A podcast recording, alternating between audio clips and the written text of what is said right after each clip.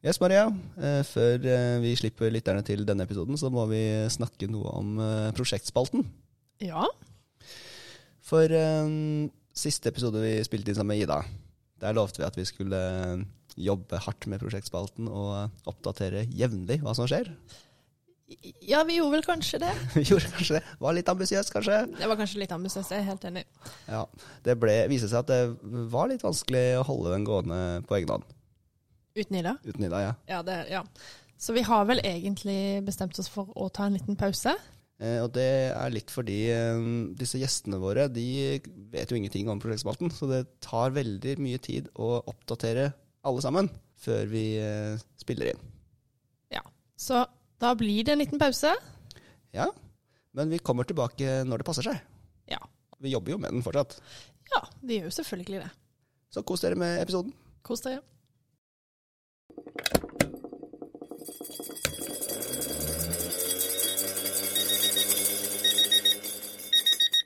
Hei alle sammen, og velkommen til Lamprat. Mitt navn er Chang I. Kong, og med meg har jeg Maria Bellan Olsen. Tom Hemming Karlsen. Og vi sender fra Institutt for indremedisinsk forskning ved Oslo universitetssykehus, Rikshospitalet. Eh, Velkommen til oss, Tom. Takk. Det var hyggelig å få bli invitert. Ja, Det er veldig hyggelig å, å ha deg i studio. Og vi må si Tom, eh, koronapandemien har jo hatt én positiv effekt på, på, på deg. Vi, vi har jo sett mer til deg her på instituttet. jo, takk for det. Du er jo mye ute og reiser ellers. Ja, nei, det, vi har jo drevet, eh, og det kommer vi litt tilbake til i det vi skal snakke om, vi har jo drevet prosjekter som krever mye samarbeid, og også internasjonalt samarbeid. og Innimellom, i hvert fall tidligere i gamle dager, som vi nesten må si nå, så, så måtte man også treffe mennesker for å få disse samarbeidene til å fungere. Nå mm. humper det og går eh, uten å se hverandre på annet enn skjermen, men eh, det har vært, eh, vært egentlig en del av arbeidsformen at vi har eh, jobbet i nettverk, internasjonale nettverk. Mm. Eh, Men før vi går videre, så må vi kanskje be deg om å introdusere deg selv og den forskningen du jobber med. Ja, nei, jeg er jo, som jeg sier, flere ting. Jeg har jo en fot som jeg er veldig opptatt av i klinikken hos pasientene. Jeg er lege, er overlege på gastromedisin, jobber med levertransplantasjon og levertransplanterte pasienter. Og den viktigste årsaken til levertransplantasjon i Norge er en sykdom som heter primærskleroserende kjolangitt. Så den har vi forsket på helt siden jeg kom hit til Rikshospitalet i 2004. Eh, Og det har vært forsket på den sykdommen eh, lenge før min tid, helt tilbake til begynnelsen av 80-tallet, eh, forrige århundre. Mm. Og etter hvert som man blir voksen, så har jeg også fått en del administrative oppgaver. og er forskningsleder i denne litt større klinikken som heter Klinikk for eh, transplantasjon, inflammasjonssykdommer og kirurgi. Så, så det er en slags tredelt jobb på mange måter, det jeg, det jeg har. Mm. Men eh, nå glemte du jo en veldig viktig ting, Tom. Og det er jo at du er fra Arendal, sånn som meg. Det må Ja da, du også gjøre selv. Ja da, jeg begynte, begynte min uh, legekarriere i Arendal og, og drev mye administrativt arbeid ved siden av klinikken der. Og begynte egentlig som forsker først etter noen år. Uh, var ferdig i turnus i 99 og jobba klinisk i Arendal i, i fire år før jeg flytta meg hit og, og begynte selve forskerkarrieren. Mm. Så vi er altså to med arendalsdialekt i podden i dag. Det, Ja. det er jo litt artig. Ja. Du har jo slengt ut et par sånne uttrykk innimellom som eh, vi har liksom måttet spørre hva betyr egentlig det, Maria? Ja, jeg, vet blant annet nøyle. Det følte Nøyle, ja. jeg at jeg måtte oversette. Ja. Det har jeg fått kommentarer på etter de, faktisk.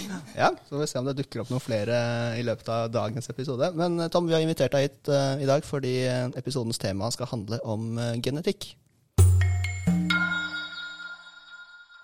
Uh, og vi kan jo se på deg som en ekspert på genetikk og genetiske studier. Dere er komfortabel med den tittelen, håper jeg? Ja, altså det, det er jo litt interessant sånn apropos min reise fra Arendal til den store byen Oslo for å drive eh, med forskning, sammenfalt jo på mange måter i tid med at vi fikk det humane genom. Det kom i liksom eh, ferdig, ferdig form i 2003. Sånn at min ankomst eh, i Oslo i 2004, da lå det dekka bord eh, i forhold til det å drive med genetikkforskning. og eh, det har vært en hva skal vi si, hjørnestein i min forskning egentlig helt siden da. Helt Mm. riktig. Eh, Så genetikk, vi må kanskje definere hva det egentlig betyr. For jeg vet at det har vært mange studenter blant annet eh, blander litt eh, faget genetikk og genetiske metoder. Ja, nei, det, er et, eh, det er et godt spørsmål. Altså, genetikk er jo på en måte begge deler, sånn som jeg vil se på det. Og litt avhengig av hvordan du, du bruker det, om du bruker det i forskningen og om du bruker det opp mot pasientene, så kan du lage deg ulike termer, og så er det genomikk, og så blir man forvirret. Men uh, dypest sett så handler det jo om å bestemme uh, variasjon og rekkefølgen i eh, arvestoffet vårt, altså DNA, uh, som har betydning for alle biologiske prosesser i, i kroppen, og som man etter hvert da har blitt klar over i de aller fleste sykdomsprosesser, så, så spiller også genetikken en, en, en rolle. Enten det være seg en liten rolle eller en, en større rolle. Mm. Men altså, måten du forsker på genetikk, den er vel ganske forskjellig fra da du begynte, da, i eh, til 2000 og nå? Det har vært en kjempeutvikling ikke sant, i eh, metodikk. Og uh, igjen så tror jeg at det vil komme tilbake til dette med det humane genomprosjektet, som var en veldig sånn transformativ uh, greie. Der det, du, for det første så fikk du jo kunnskapen om genomet. Nå var den riktignok uh, full av hull, og det har vi jo jobbet siden med å fylle. Eh, Men den, den, den gav oss et eh, grovt eh, slags omrisse av eh, arvestoffet, sånn som det gjaldt de, særlig de delene av arvestoffet som kodet for proteiner, Mm. altså eggehvitestoffer. Der, eh, der, der hadde man et godt kart. Men så begynte man jo også da, som del av prosjektet, og også etter hvert når man skulle begynne å å, å studere arvestoffet i ulike sammenhenger, sykdommer osv. Og, og få behov for eh, raskere og bedre metoder. Sånn at det har vært en sånn eh, evig økning i kapasitet. Litt sånn som vi holdt på med med prosessorene på PC-er. Alle husker at det kom liksom nye prosessorer annethvert år. og så gikk datamaskinene fortere og fortere. Etter Mm. hvert så gikk de så fort at vi merka ikke forskjellen på den gamle og den Mhm. nye datamaskinen. Men litt sånn har det vært i genetikken også, at vi har fått nye metoder hele tiden eh, som eh, gjør analysene i dypest sett da bestemme rekkefølgen av eh, eh, eh, nukleotider i arvestoffet Mm. eh, på en eh, raskere og mer presis måte. Mm. Så det er egentlig pga. datamaskinene at ting eh, siden de har blitt bedre, så Nei, det var mer en analogi. Altså, oh, ja. det, det består på en måte av to, to sider av, av det. Men du er inne på noe veldig vesentlig. fordi at én ting er selve hva skal vi si, kjemien eh, som, eh, som, som du bruker for å, å bestemme eh, rekkefølgen i arvestoffet. Eh, men så skal den fortolkes eh, og analyseres, og etter hvert som eh, kjemien blir raskere og bedre, eh, så må på en måte datamaskinene på andre siden og analysemetodene og analyseverktøyene følge med. Og Mm. det har jo på mange måter blitt muliggjort da, av datautvikling som har gått i parallell, og som har ingenting med, med DNA og genetikk å gjøre. Mm. Du var inne på dette med at beskrivelsen av det humane genom, det var jo en sånn en revolusjon da det kom. Eh, vil du si noe om metoden de brukte da? For det var jo en eh, relativt ny metode også. Ja, altså de, de, det er jo eh, i stor grad eh, altså den teknologien som vi nå baserer oss på, og som, som da man brukte, er jo, er jo sekvensering. ikke sant? Der du bestemmer eh, rekkefølgen av enkeltmolekylene i, som, som utgjør det større DNA-molekylet. Det er en, en, en, en sekvensbestemmelse. Mm. Altså det det, vi, det det vi jobbet Det var det man brukte, og man brukte, der brukte man en veldig, lit, en veldig primitiv eh, eh, sekvensbestemmelse som gjorde at du kunne kanskje få små biter på noen få hundre basepar eh, av gangen. Mm. Og det er klart da å, å ta alle de milliardene av eh, basepar som du skulle igjennom, Mm. Eh, tok fryktelig lang tid. Mm. Eh, nå har du maskiner som eh, leser svære områder og og etter hvert hele genomet i løpet av eh, timer og dager. ikke sant? Sånn at det, men, men dypest sett så er det, er det rekkefølgen på, på molekylene som utgjør DNA, som, som eh, er interessant for oss. Og, og, det er jo der du har variasjon. Det er jo der eh, det sitter på hvert av disse, eller mange av disse stedene, så, så er det varianter, som vi kaller det. Der du, noen har én eh, variant, og andre har en annen variant, og det gjør oss biologisk sett til den vi er. Mm. Eh, sammen med alle mulige ytre påvirkninger. Mm. Men Kan man da enkelt si at genomet er en bok, og så sitter du og leser altså Det man gjorde da, var å på en måte prøve å kartlegge alle bokstavene i boka. Så var det en del hull der, men man fikk et totalt bilde av hva boka handla om. Ja, det er et veldig interessant uh, uh, poeng, fordi jeg, vil kanskje ikke kalle det en bok, jeg vil heller kanskje kalle, kanskje kalle det for et sånt interaktivt spill. Du leser, Nå jeg spiller ikke så mye dataspill lenger, men du har jo sånne interaktive spill der ting liksom forandrer seg eh, underveis. Så, så, det er på ja. mange måter en Ja, det er en bok, og, og det er en bok med, en, eh, med ulike mulige utkommer, mm. men, men, så samspiller den boka da med alt som du eh, eller jeg utsettes for av påvirkninger opp mm. gjennom oppveksten og gjennom livet. Og, og, og, og det forandrer eh, hva skal vi si, det boka handler om til, til, til, til slutt. Sånn at det, det, det, er ikke en bok som slutter likt hver gang.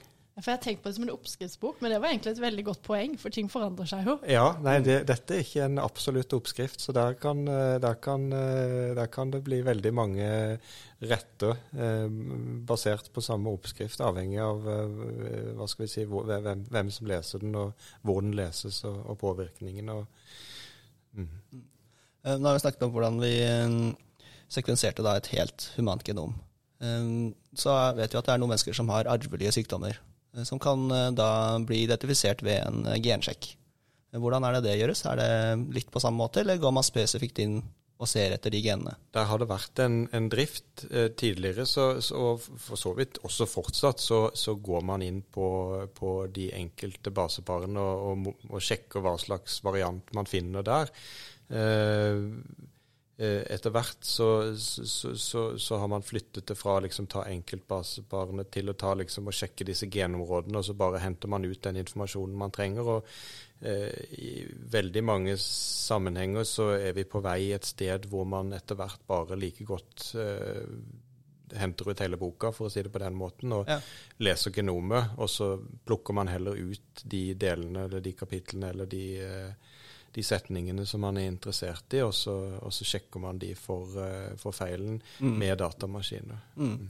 Hvor mye koster det å kjøre en sånn helgenomsekvensering nå? Ja, Det har jo vært en sånn evig igjen uh, nedadgående spiral, uh, analogt med disse oppadgående spiralene for datakraft og sekvenseringskraft. Og liksom The Thousand Dollar Genome var liksom en sånn uh, milepæl som uh, nå er passert, ikke sant. Mm. Så, så, så, så, du er altså nede på, på tusenlapper. Uh, mm. Mens bare for få år siden så var jo det et millionprosjekt bare å sekvensere et enkelt genom. Ja, det er jo helt vilt. Så vi har gått fra million kroner til noen tusenlapper. Ja.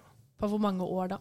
Ja, det, liksom, den, den, den, har brutt. Det finnes sånne regler for hvor fort ting egentlig skal utvikle seg. Nå husker ikke jeg hva de heter akkurat i farten, men, det har gått fortere enn det skulle. Og jeg tror du kan si at det, det, har gått på i løpet av en tiårsperiode, ti 10-15-årsperiode, så har vi, har vi, på en måte fått denne muligheten innenfor rekkevidde. og jeg tror jo at uh, i veldig mange kliniske sammenhenger også etter hvert, definitivt i forskning, men også i kliniske sammenhenger, så blir det etter hvert sånn at det, det er det man gjør. Man henter ut hele, hele, boka, og så plukker man ut de delene som man er interessert i, avhengig av hvilken sammenheng man, uh, man jobber i. Ja. Jeg kan spørre et uh, litt sånn etisk spørsmål. Når du har henta ut, sånn altså ut hele boka, er da resten tilgjengelig når du har fått ut det du trenger, eller må dere forkaste resten? Nei, det er jo et veldig vanskelig spørsmål, som, som, som, også har fungert nesten som en slags barriere i, i bruken av dette, både i forskning og i, i klinikk. Og eh, alt er der. Og, og La oss si du, eh, det du er på jakt etter, er en eller annen arvelig sykdom som handler om uh, hjertet. Altså så sier du på leiting etter en hjerterytmeforstyrrelsesgen. Mm. Uh, og så vips, så lyser det en eller annen lampe i forhold til brystkreftrisiko. Eh, som kanskje vedkommende verken hadde tenkt på eller hadde lyst til å vite noe om. Mm. Og Det å, å, håndtere det landskapet av sånne såkalte utilsiktede funn versus det du egentlig er på jakt etter, og hvordan man skal navigere i det, det har man nok ikke helt eh, landet enda. Mm. Eh, og, og det, det, har jo gjort også at dette har eh, i stor grad også foregått i rammene av faget medisinsk genetikk. For at du, du, du, må kunne snakke med folk på en veldig hva skal vi si, klok måte eh, når du går inn i dette landskapet. Og så er det alle disse usikkerhetene. ikke sant? Altså, det er noe vi kanskje kan snakke mer om. ikke sant? At det, det, en ting er at vi finner disse genvariantene, men det er jo ofte ikke en sånn svart-hvit at enten så blir du syk, eller så blir du ikke syk. Litt sånn som med den boka. altså Den, den, den, den har ikke en gitt slutt. Mm. Uh, avhengig av hva som står der. Sånn at uh, Kan det være litt sånn at uh, hvis du opplever noe veldig stressende over tid, da, så kan de her tinga slå ut, f.eks.? Ja, akkurat hva som virker inn i, i de ulike sammenhengene, det, det, varierer nok fra sykdom til sykdom. Eh, men at sykdom i, i veldig mange eh, sammenhenger er veldig veldig mye mer enn genetikken. Det har jo vi blitt smertelig klar over gjennom forskningen vår. Det er jo som jeg, ofte når, vi, når jeg foreleser om genetikk, så, så, så, viser jeg liksom alle disse genene vi har funnet for den leversykdommen som jeg er interessert i. Det er en sånn 20 gener. og Det er jo veldig flott, og det er masse fine artikler osv. Men så når vi sitter og regner på dette, da, så finner vi ut at det egentlig så betyr det mindre enn 10% av risikoen for å få mm. denne sykdommen. Så det er mm. egentlig en bitte liten del, og sannsynligvis skyldes resten miljøpåvirkning. Mm. Eh, sånn at jeg, På en måte kan du si, og det, det sier litt flåsete, at jeg har brukt eh, 10-15 år av karrieren min på å finne ut det minst viktige om en, den sykdommen som jeg er interessert i. Men det var eh, vel litt sånn at når man fant det her genomet, så trodde man jo at det skulle svare på alt. Altså at man hadde løst, eh, løst eh, koden. altså. Ja, og det, det, har nok vært noe av erkjennelsen også blant Eh, uh, fall for, for, for altså, ja, blant mange som driver med genetikk, at man, man, har fått øynene opp nettopp på dette samspillet mellom gener og miljø. ikke sant? Og Du har hatt TV-programmer om født sånn eller blitt sånn. ikke sant? Jeg, mm. Jeg vil jo si at uh, svaret der, ut ifra hvert fall for veldig mange sykdommers vedkommende, i hvert fall de store folkesykdommene, mm. så er det jo at man har blitt sånn. Det er ikke uh, gitt Eh, på noen som helst absolutt måte fra genetikken at det skal bli sånn. Og, og miljøfaktorer og miljøpåvirkning er, er en eh, helt nødvendig del av disse sykdommene. Men virker jo da sammen med genene. Mm. Det er sånn vi bruker genene i dag. Vi bruker ja. de for å liksom finne hint om eh, hvilke deler av miljøet er det som kan være interessante. Ja. Men kan vi berolige våre lyttere om at eh, den gensekvensen som legene tar, eller får, den vil ikke bli delt med noen andre. Når, Nei, der er det kjempestrengt i Norge. Mm. Altså I Norge har vi noen av de strengeste reglene i hele verden. Eh, og, og det, det, det, har jo bl.a. medført at det har altså, det finnes flere prosjekter av den type helgenomkarakterisering som vi ikke har kunnet være med på av mm. internasjonal karakter. Eh, og, og, og, skal man være med i den type samarbeid og drive forskning og, og si, jobbe med den type gensekvenser, så, så, er det ekstremt strenge regler som gjelder. EU har veldig gode regler. Norge har enda bedre regler. Eh, du skal ikke lenger vekk enn til f.eks. USA og, og i hvert fall mange andre deler av verden, for dette er mye mer flytende mm. uh, og utydelig, og, og gir uh, både pasientene og forskningsdeltakerne mye mindre beskyttelse enn det vi har, uh, og det, det, det, de har i Norge. Mm. Kan jeg spørre et spørsmål, da? Fordi nå er det jo mye sånne data som blir, um, de blir tilgjengelige, da, for at man kan, sånn at andre forskere kan bruke de. Men hvis det da ligger et sånt datasett ute, og, vi, og så bruker jeg noen av de dataene til å gjøre, verifisere eller ja, bekrefte mine egne analyser. da. Er det egentlig ikke lov, da? Nei, altså genetiske data kan vi ikke legge ut. Og det har vi hatt, har vi hatt diverse krangler med bl.a. Eh, tidsskrifter om. Eh, som vil at man skal legge ut eh, sånne kildedata eh, når det gjelder genetikk på individnivå. Og det, det, har vi ikke lov til, og det må vi bare vise til norsk lov og våre personvernregler og si at sånn er det. Sånn at eh, du vil ikke finne hva skal vi si person, altså enkelt, altså enkeltindivid, eh, genetiske data. Det som, det som, på en måte har blitt uh, uh, løsningen på det, er at man kan uh, kontakte altså forskere og gjennom strenge avtaler osv. Så, videre, så kan du ha en viss utveksling, men, mm. men også der er det, er det, grenser for hva du kan få til å sende. og å sende gendata til USA, det, det, det, er en byråkratisk jobb som jeg ikke ville begitt meg ut på. Vi har stort sett sagt nei til den type samarbeid. Mm. Så altså, korte svaret på det spørsmålet ditt er jo egentlig at, at du finner ikke den type data ute fra norske forskningsdeltakere. Du bør i hvert fall ikke gjøre det. Mm. Nå snakker vi om det å sende fra seg uh, sitt genom, eller sine gener, eller informasjon om sine gener. da. Nå har det jo kommet opp en del sånne kommersielle aktører som tilbyr å da sjekke ut hvor genene dine kommer fra. Eh, er det noe man bør gjøre, eller er det, et, eh, er det trygt å gjøre det? Ja, altså, for det første så er det jo fullt mulig å gjøre den type analyser. Så det er jo veldig artig som en sånn selskapslek å finne ut at du er 2% same og 7% russer og 40% franskmann. og resten litt av hvert. Eh, sånn at analysen i seg selv er, er, er lette å gjøre eh, med, med, de verktøyene og de databasene som man har tilgjengelig i dag. Eh, og, og, det er klart Den type analyser er også viktige for oss i genetikken. Vi, vi, vi, fordi at Den type variasjon lager en slags støy i, i, genetikkdata som vi må ta høyde for. Så vi må egentlig gjøre den type analyser hver gang vi gjør en genetikkanalyse, for at ikke vi skal få for mye av den støyen. Uh, men uh, når det gjelder det å bare bruke hva skal vi si, den opphavs... Eh, biten. Eh, så, så, så, så, lenge man på en måte snakker om seg selv og, og, hva man selv måtte gjøre med dataene, så er det jo greit. Det er jo noe man regulerer selv. Men det er klart at i det øyeblikket man sender, prøver mange av disse selskapene er basert i andre land, eh, f.eks. i USA, med andre personvernlover, med andre bioteknologilover enn det vi har i Norge. og Det er viktig å være klar over. Og der datadelings reglene, selv om de kanskje virker veldig sånn, hva skal vi si eh, tilforlatelige når man leser på disse nettsidene, så mm. må jeg vel si at det, det, er veldig få sånne steder jeg hadde sendt av gårde mitt eget DNA. Nå kan du godt si at vi, vi legger igjen celler med fingeravtrykk, og, og ja, hvis noen virkelig ville ha tak i DNA-profilen din, så hadde de nok sikkert fått tak i den. Eh, men, men det, det, er en betenkelighet rundt rundt dette. Og det som er viktig, og det som mange ikke tenker på, det er jo at det øyeblikket man gir fra seg sitt eget DNA, så begynner du å dele det med, fra familien din også. Mm.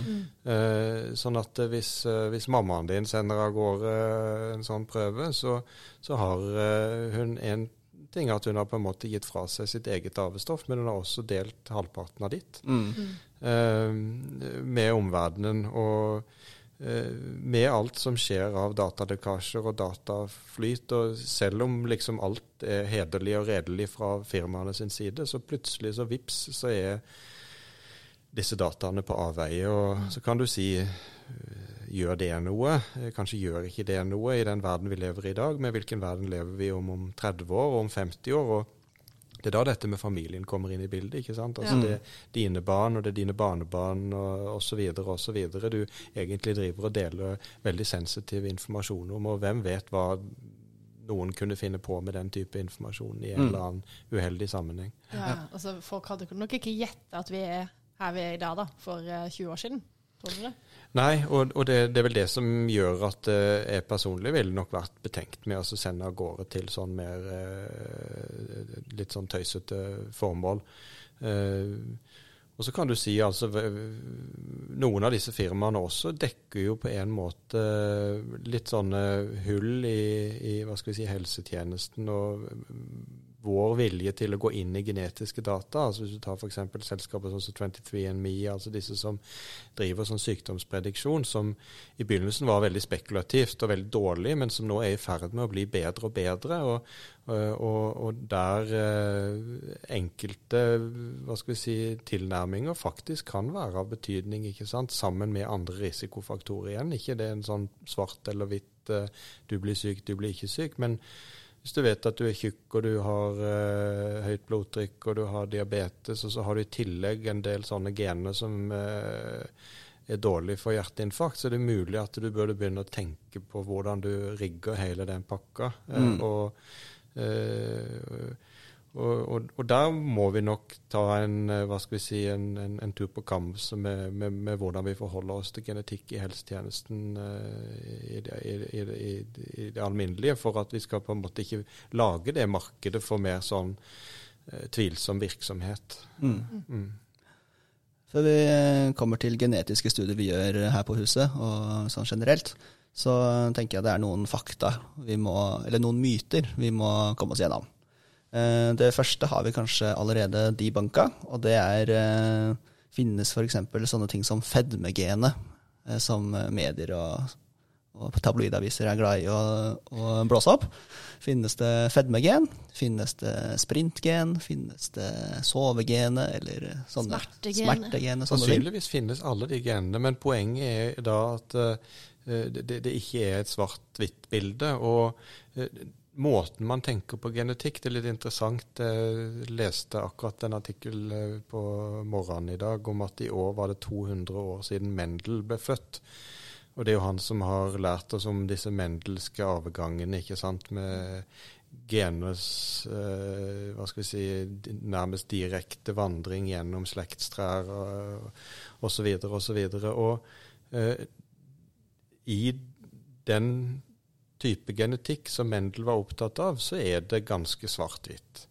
Der har du sykdommer der du har hva skal vi si, det vi kaller for penetrans, som er altså hvor, hvor, hvor sterkt et gen kommer til uttrykk i form av mm. en eller annen egenskap, som, som er opp mot 100 eh, Det finnes sykdomseksempler på det. Eh, I de aller fleste tilfellene likevel så er det ofte ikke 100% det er gjerne litt lavere, og så trenger du noen tilleggsfaktorer. Eh, Eh, og, og, og, det som er si, problemet med, med, med den, den, første delen av genetikken som vi hadde gjennom eh, Mendel og mendelske sykdommer, eh, det var at man ble vant til å tenke veldig sånn enkelt. At du har én mm.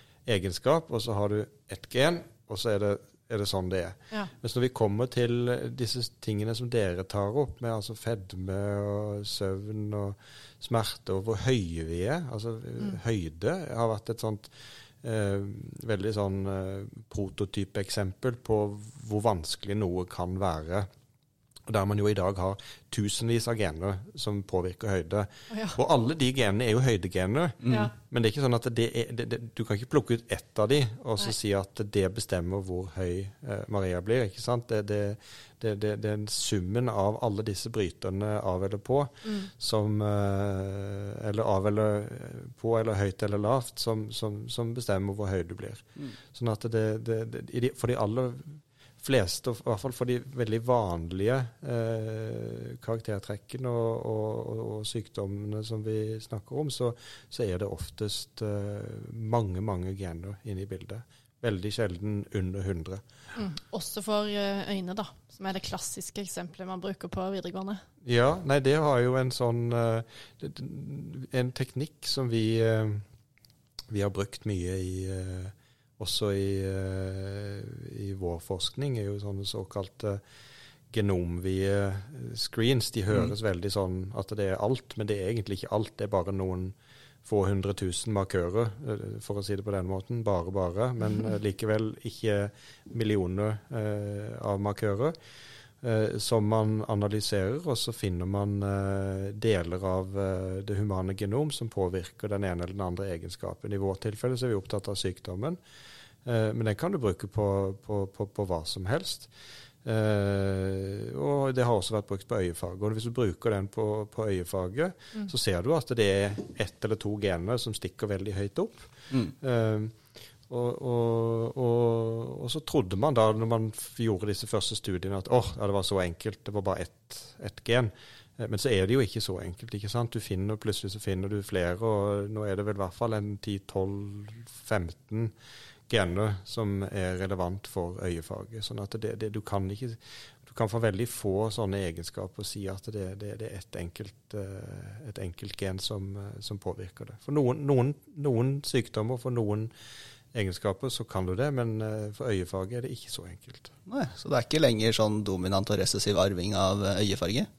Jo, for de enkelte komponentene som utgjør det som til slutt bestemmer øyefarget, så, så, så er det det. Ja. Eh, men, men, men du trenger Altså, det, du, det, det er ikke Jeg vet at du tenker på den er det OKA2-genet, og det stikker veldig opp, og det har en veldig høy relativ risiko for, for å gi en bestemt øyefarge, øyefarge, men, eh, men er avhengig av eh, disse andre genene for å til syvende og sist uh, gi den fargen du, du får. Så det er fortsatt sånn at brune øyne er litt mer dominante enn blå, eller? Ja, det tror jeg faktisk ikke at jeg har kompetanse til å svare på. Da måtte jeg lese meg opp på øyefargegenene. Det er ganske bra. Men, men, jeg, men, jeg, men poenget er at jeg, jeg- husker de der plotta, skjønner du. For dette, de er veldig artige, de plotta. For dette, da er det noen som stikker veldig hopp, høyt opp. Og det er det ofte med, Ja. med sykdommer. Det var jo sånn som vi gjorde, altså den covid-givasen som vi gjorde. Der også er det jo noen genområder som stikker veldig opp. Og Mm. så, eh, Det skal vi kanskje snakke om etterpå. Den kommer vi til. Det kan vi snakke om, men jeg, jeg tror kanskje vi må nødt til å legge ut et bilde av eh, så folk skjønner hva du mener med disse plotta og ting Ja. som stikker opp. For det er jo klassisk for genetikk. Mm. Det er ikke så det Ja, nei, altså vi, vi, vi, vi pleier jo ofte å fremstille Ja, nei, vi, vi, vi bruker jo disse Manhattan-plottene våre da, som sånne, sånne fremst, altså en, en klassisk grafisk fremstilling av uh, hva vi finner. og Poenget er at hvis du jobber med en veldig liten studiepopulasjon, så, så, så, så, er det bare de sterkeste tingene du finner. Mm.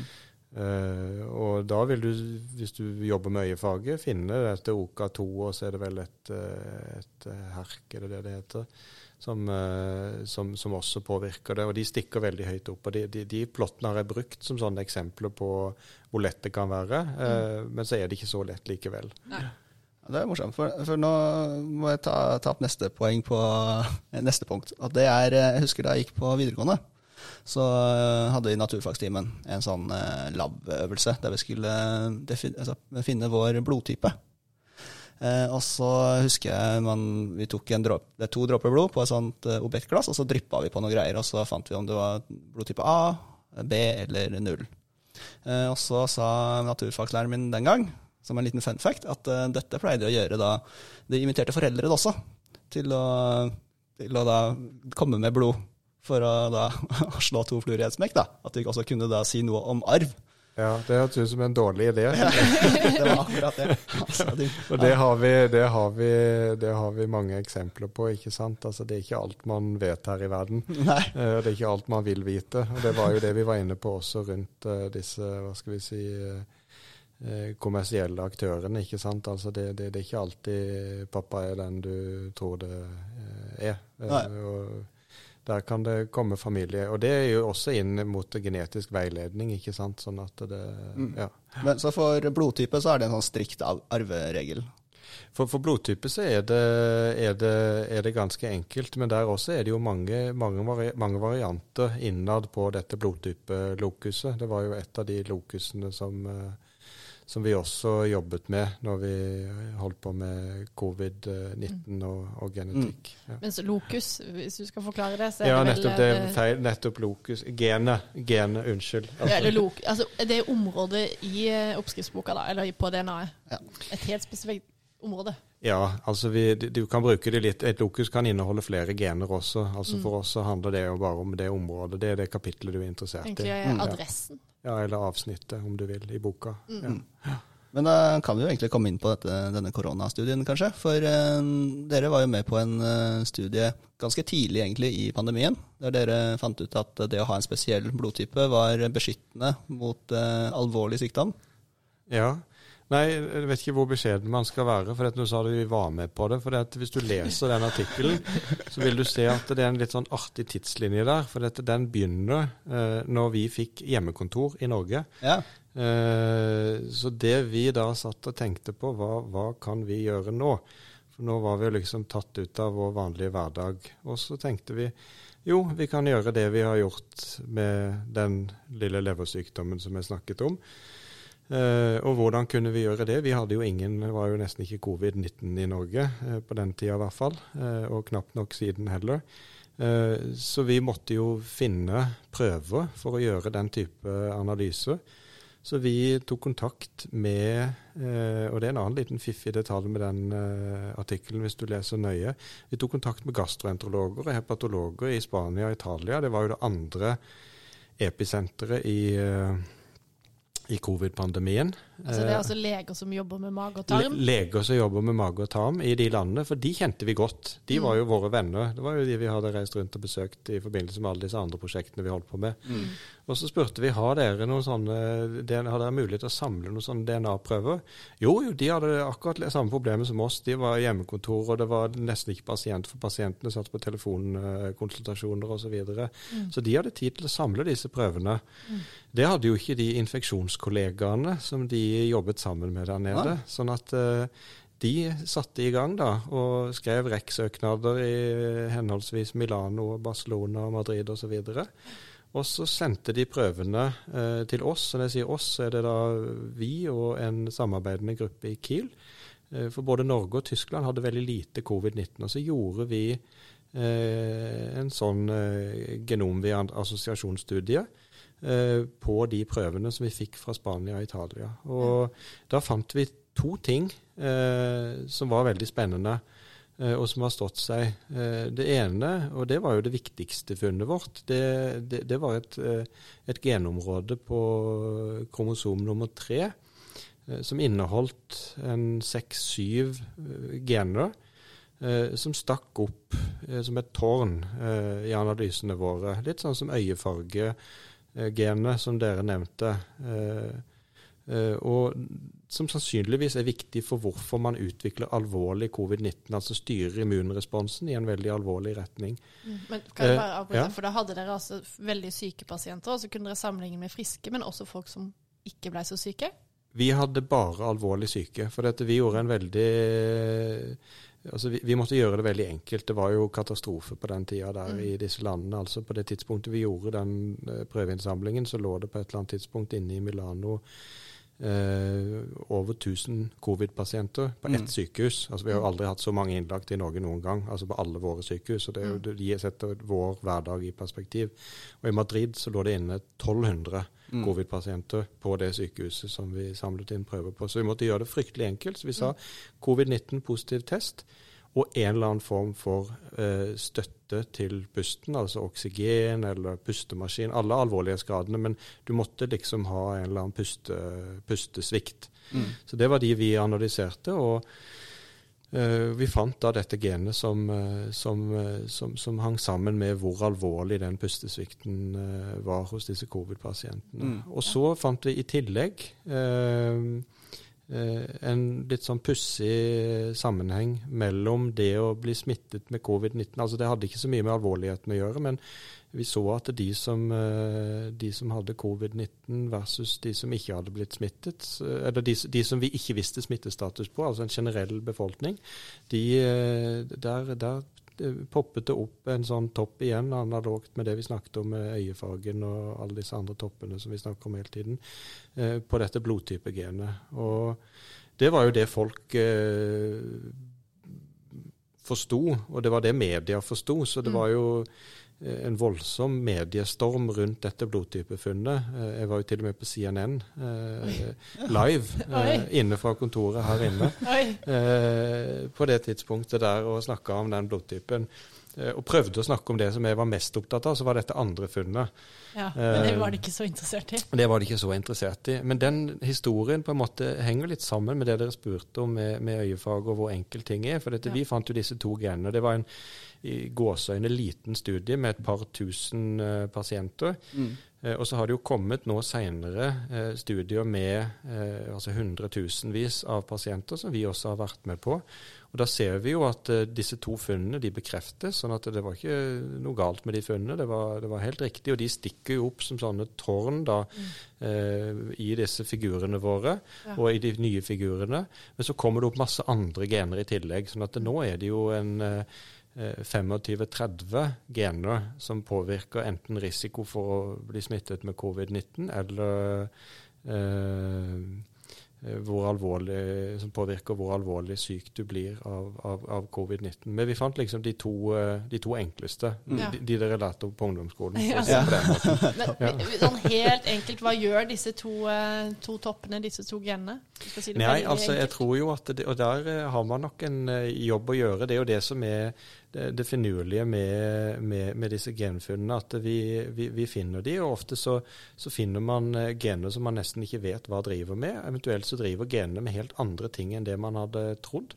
Sånn at det, det ærlige svaret er at det vet vi ikke. Mm. Men uh, i det området som påvirker alvorligheten, så, så er det flere gener som påvirker eh, både hva skal vi si, molekylsystemet som eh, eh, viruset bruker til å binde til cellene, men det er også en del immungener. sånn at Mm. der eh, tror vi at immunreaksjonen er viktig, og, og hvordan virus eh, på en måte interagerer med immunsystemet.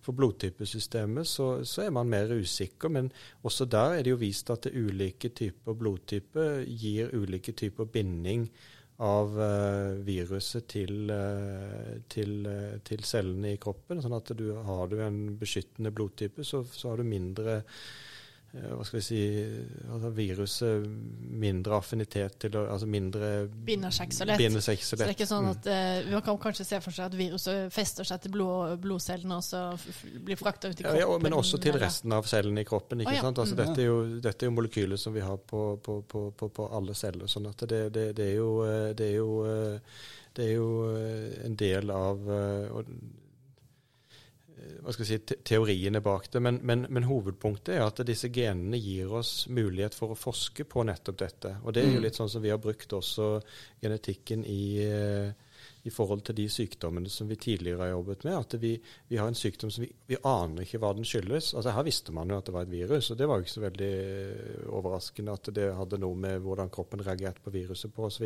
Kan du godt si at det er nyttig i seg selv, men for de sykdommene vi har jobbet med, så har vi visst enda mindre. Og, Mm. og da har genene gitt oss eh, sånne ledetråder som vi da har kunnet jobbe langs for å, å forstå sykdomsmekanismen, og etter hvert kanskje også komme opp med behandlingsprinsipper. Kan vi bare raskt minne lytterne våre på hvilken blodtype det er som beskytter?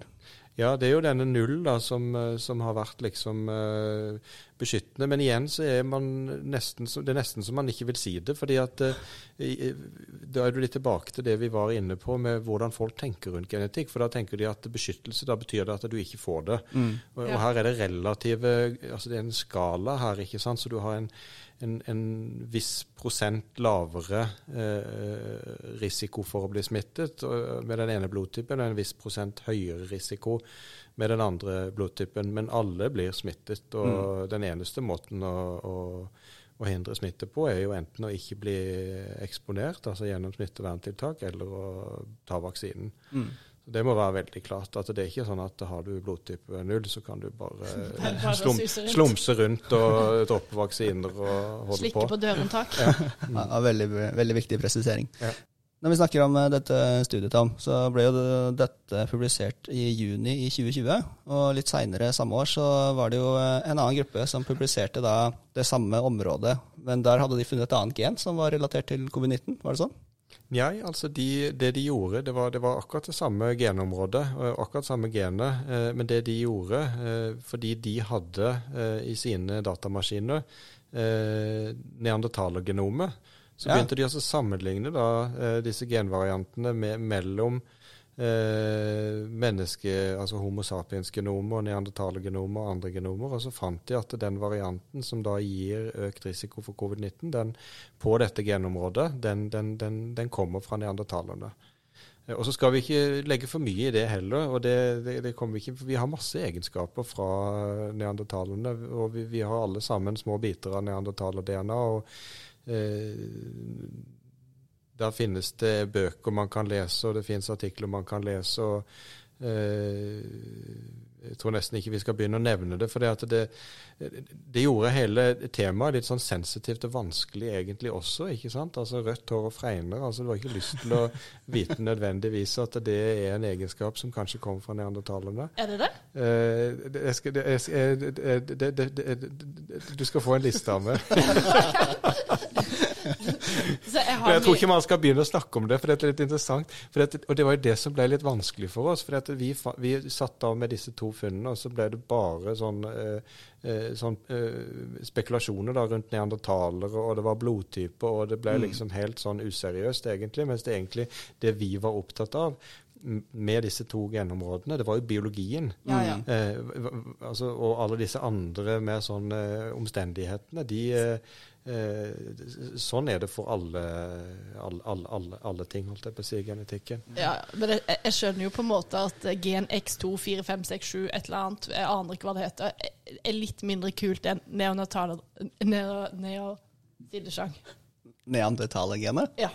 Ja, nei da, det, det var, det var, men det var jo det det, det kokte ned til. da. Vi, vi fant et uh, neandertalergen, og så fant vi dette blodtypegenet. Og så har man da altså etterpå Eh, også i studier som vi har vært med på, funnet en eh, tyvetalls eh, pluss gener til. Ja. ja, da har jeg et spørsmål eh, til deg, Tom. Kan det stemme, for jeg vet jo at du er fryktelig glad i Hardangervidda. Du har jo også gitt meg litt turtips, som jeg og Ida som vi savna her i poden i dag. Vi var på Hardangervidda en sommer etter turtips fra du. Men du fortalte, eller stemmer det at du har gått rundt på Hardangervidda og samla reinsdyrbæsj? For å sekvensere bæsjen? For å prøve å finne ut hva slags bakterier som finnes der? Nei, altså der er jo mye bedre organisert enn som så. Eh, det jeg har gjort eh, Jeg har eh, tatt blodprøver av reinsdyr som jeg har skutt, og så har vi sekvensert Og vi var faktisk først ute med å sekvensere reinsdyrgenomet. For nå har vi snakket om det humane genom, men også reinsdyrgenomet var inntil ganske nylig ikke bestemt. Eh, nå somla vi så mye rundt eh, alt vi skulle gjøre med dette, at det var noen andre som rakk å publisere det før vi fikk publisert vårt uh, genom. Så det, det, ligger der som et lite sånn hobbyprosjekt som vi egentlig ikke helt har fått fullført. Men så har vi vært interessert i andre deler av villreinens biologi, og vi har jo en forskergruppe her på instituttet som er opptatt av tarmfloraen og mikrobiota. Uh, og de hadde også interesse av å, å studere uh, prøver fra Hardangervidda. Sånn at uh, de etterspurte da et sett med avføringsprøver fra villrein. Så det organiserte vi det sånn at uh, de andre jegerne på jaktlaget fikk samle inn, mens jeg tok med av blodprøvene. Ok. du du syns liksom du måtte ta blodprøvene, mens de andre var litt Men også, også på, på, den fronten så har vi, vi har en egentlig litt sånn artig historie som, uh, som kommer der vi har jobbet med dette genomet. Vi har, vi har fortsatt det beste reinsdyrgenomet. Vårt reinsdyrgenom er det mest komplette reinsdyrgenomet i hele verden. Så kan du si at vi burde ha publisert for lenge siden, da. Men det, der, det, der, kommer det en del analyser. For vi har i tillegg samlet inn DNA fra reinsdyr fra hele verden. Også uh, fra uh, utdødde reinsdyrstammer, f.eks. på Grønland. Mm. Uh, og fra reinsdyr fra istiden og før istiden. Og sett på ulike deler av reinsdyrenes vandringsmønstre og utviklingsmønstre. Apropos det vi snakket om med arv og ancestry og mm. hvor man kommer fra. Mm. Eh, og akkurat de samme analysene kan man gjøre for reinsdyr. Eh, så det har jo vi holdt på med. Og en av de tingene som vi har vært opptatt av, er jo da disse uh, små reinsdyrene som du har på Svalbard. For på Svalbard så har reinen en veldig artig eh, fremtoning. De er veldig små, veldig lave med veldig korte bein. Mm. Altså de, er, de, er, nesten ikke større enn sauer. Altså er store sauer. Eh, Så veldig tamme? Og, ja, det er en annen sak. Men det, det, det, skal vi ikke snakke om. Men, men, de er i hvert fall små, da. Og mm. det er et litt sånn spesielt fenomen i biologien som heter island dwarfism. Altså at man blir sånn, får sånn øydvergvekst. Mm. Eh, og så har du det, det, motsatte fenomenet, som heter altså sånn island gigantism, altså gigantisme. Og det kjenner vi jo fra populær eh, litteraturen med King Kong. ikke sant? Og at du har det, det fenomenet at når dyr blir isolert, eh, så, så, kan de enten bli veldig store eh, mm. i et isolat, eller veldig små. Eller de kan ikke nødvendigvis bli store eller små, da. Men noen blir det. Mm. Uh, og det, det, finner man uh, ut gjennom hele. altså Du har kjempeedderkopper, du har uh, babyelefant, du har skjeletter fra babyelefanter, altså minielefanter på Kreta bl.a., som utdødde stammer. Ja. og der har vi gjort en veldig spennende genetisk analyse av de ulike reinsdyrgenomene som vi har, og vi tror vi har en genetisk forklaring på hvorfor den svalbardreinen er så liten. Altså en biologisk forklaring på dette eh, dvergvekstfenomenet som vi ser hos eh, reinsdyrene på, på, Svalbard. Så det, det, gleder vi oss til. Vi jobber nå med biologiske studier, og det er derfor vi ikke har publisert det ennå, med mm. å bevise det på en litt mer omstendelig måte. Mm. Så hvis vi har rett, så, så, så, er det på en måte en veldig sånn fundamental biologisk prosess.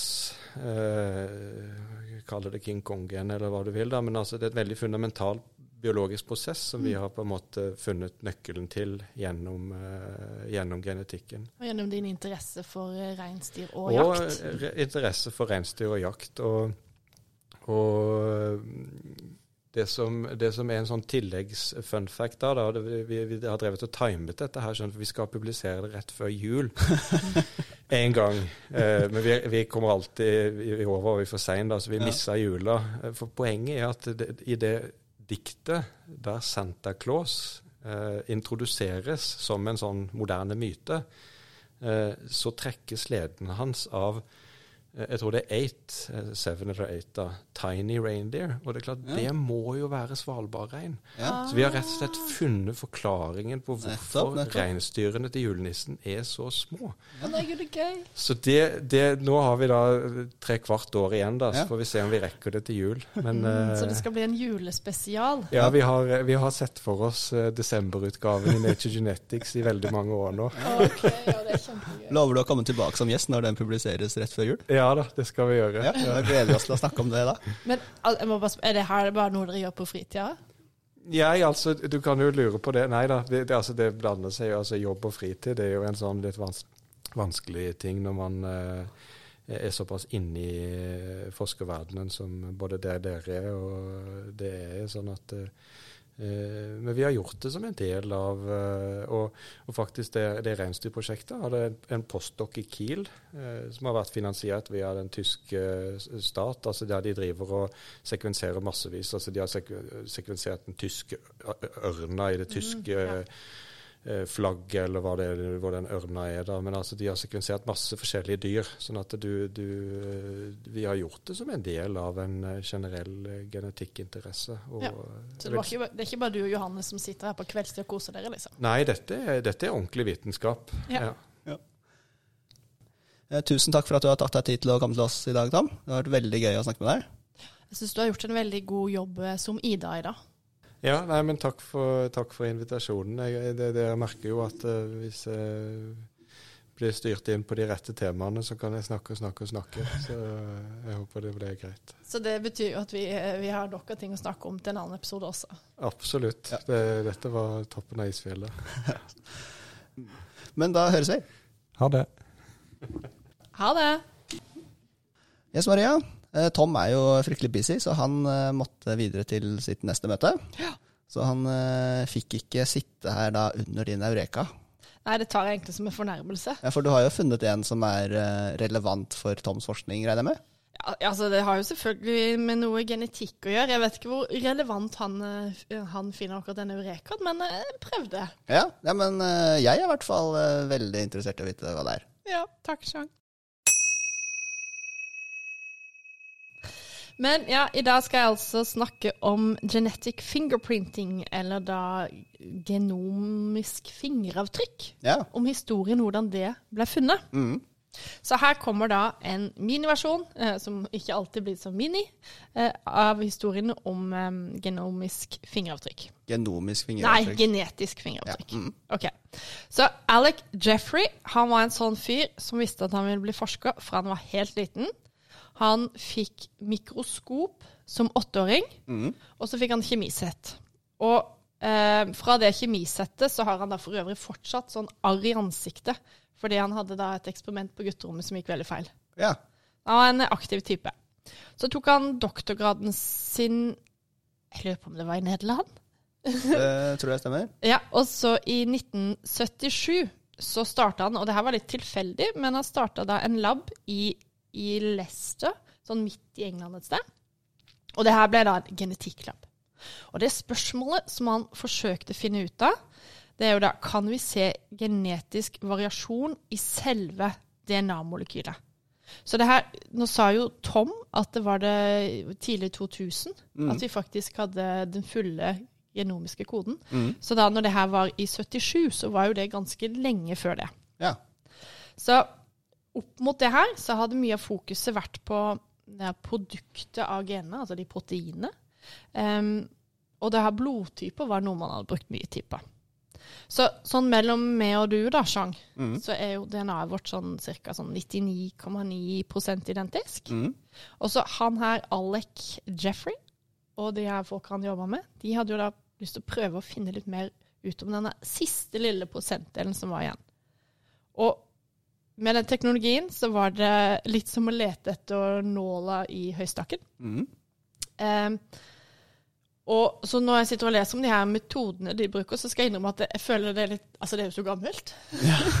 så det er litt sånn Litt som kanskje som å spinne garn. Altså, du vet jo konseptet. Ja, vi, har, vi har lært om det en eller annen gang i, Ja. i tida. Ja. Men det er ikke sånn at jeg skjønner alt.